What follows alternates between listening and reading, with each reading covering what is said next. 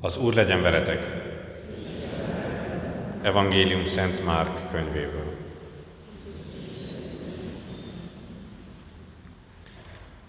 Abban az időben egy írástudó megkérdezte Jézustól, melyik az első a parancsok közül. Jézus így válaszolt. Ez az első. Halld Izrael, az Úr, ami Istenünk az egyetlen Úr.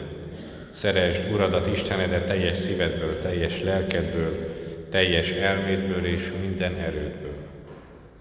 A másik, a második hasonló ehhez, szerest fele barátodat, mint önmagadat. Ezeknél nincs nagyobb parancsolat. Az írástudó erre azt válaszolta, valóban jól mondtad, Mester, hogy ő az egyetlen, hogy rajta kívül nincsen más. És azt is, hogy őt teljes szívünkből, teljes elménkből és teljes erőnkből szeretni, embertársunkat pedig úgy szeretni, mint saját magunkat, többet ér minden égő vagy véres áldozatnál. Jézus az okos felelet hallatára megdicsérte, nem jársz messze az Isten országától. Ezután több kérdést már nem mertek neki föltenni. Ezek az evangélium igéi.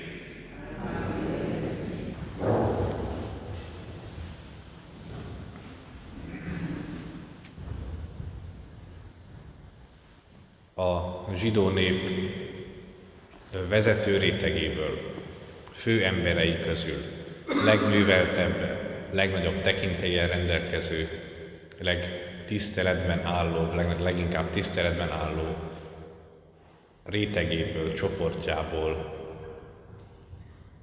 származik ez az ember, aki ezt a kérdést fölteszi. Csak hogy egy kicsit kontextusba helyezzük. És Jézus ebben a történetben, ebben a jelenetben, amit ma olvasunk föl a Márk Evangélium 12-es fejezetéből, itt már Jeruzsálemben van, és néhány nap telik el a, az ő haláláig, kereszt haláláig. Tehát Jeruzsálemben, a fővárosban, nem valami vidéki városban, nem valami vidéki faluban, nem onnan származik ez az ember, akiről itt hallunk, hanem a fővárosból, írástudó, ami azt jelenti a legműveltebb, mint azt mondanánk, a Tudományos Akadémiának a tagja, aki magyarázza az írásokat, aki írásokat magyarázza, jelenti azt is, hogy magyarázza a törvényt, ez a törvénytudó ember, aki a társadalom egyik legképzettebb, legképzettebb értelmiségi rétegéhez tartozik, akihez lehet tanácsért fordulni, akár jogi tanácsadásért is lehet fordulni hozzá, peres ügyekben vagy egyéb kérdésekben. Ő az, aki ezt a kérdést Jézusnak fölteszi. Ez nem egy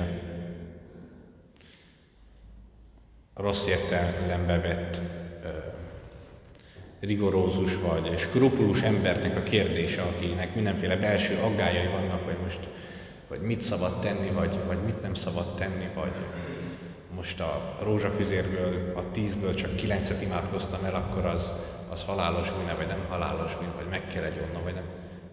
Nem egy ilyen emberről van szó, hanem egy felnőtt, önálló, egzisztenciával rendelkező, a társadalom által tiszteletbe tartott emberről, aki ismeri a törvényt, ismeri a zsidó népnek a hagyományait, a történelmét, a jogszokásait.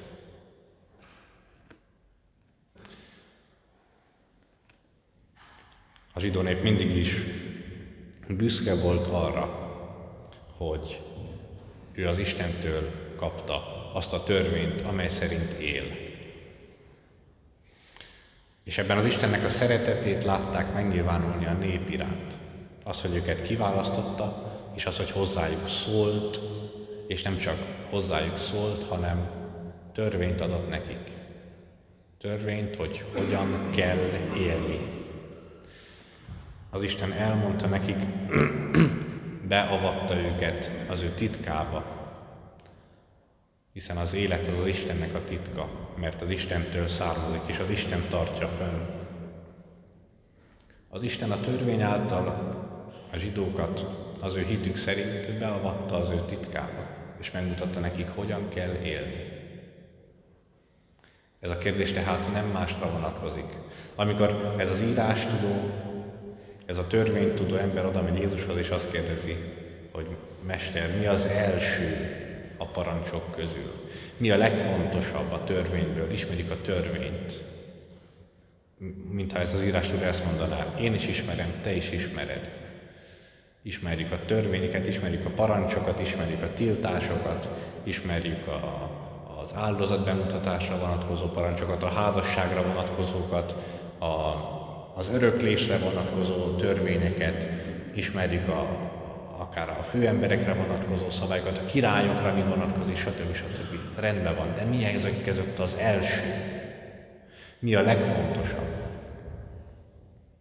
Mi az, amiben a leginkább megnyilvánul az, hogy az Isten az hogyan akar bennünket éltetni, mert ez nem másról szól a törvény. Nem másról szól a törvény nagy tébetűvel írva, mint hogy az Isten éltetni akar bennünket, és hogyan akar bennünket éltetni. Éltetni akar engem személyesen, és éltetni akar minket, mint társadalmat. A zsidó felfogás szerint. Ez a törvény. És erre, erre vonatkozik ez a válasz. Ebben a kontextusban hangzik el ez a válasz.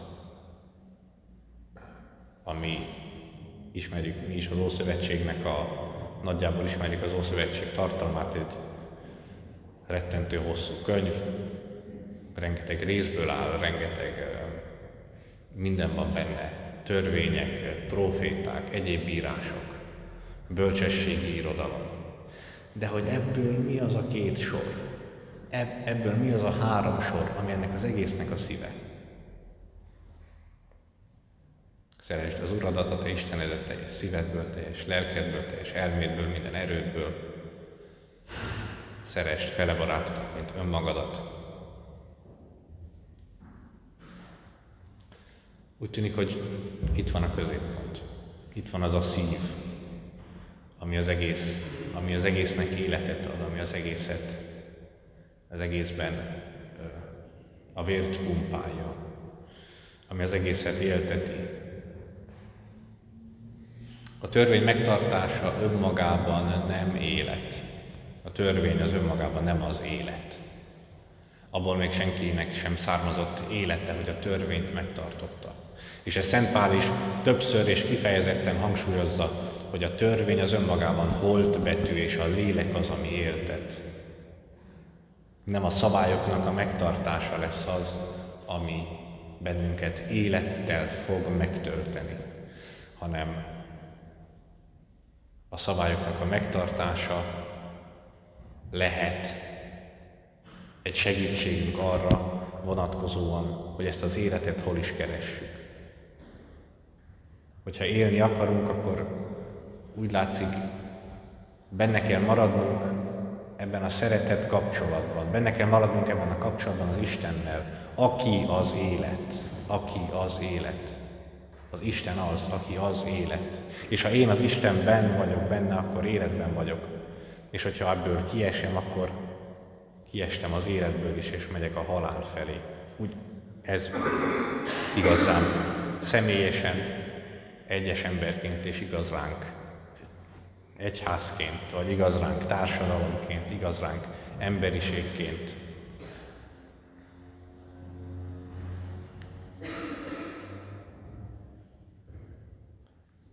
az, hogy élet legyen bennünk, az, hogy öröm legyen a szívünkben, az, hogy egyáltalán kedvünk legyen ehhez az élethez, kedvünk legyen ehhez a világhoz, az, hogy egyáltalán örömet, örömet találjunk a mindennapjainkban, az, hogy jól érezzük magunkat a bőrünkben, legyen kedvünk egymáshoz, tudjunk egymásra mosolyjal jókedvűen nézni, nem azon múlik, hogy betartjuk-e a törvénynek a betűit.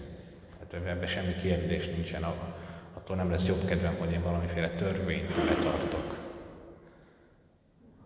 Attól lesz jobb kedvem, attól lesz teljesebb az életem, attól költözik, attól költözik öröm a szívemben, hogyha meg tudok maradni ebben az Istenben, aki éltet engem.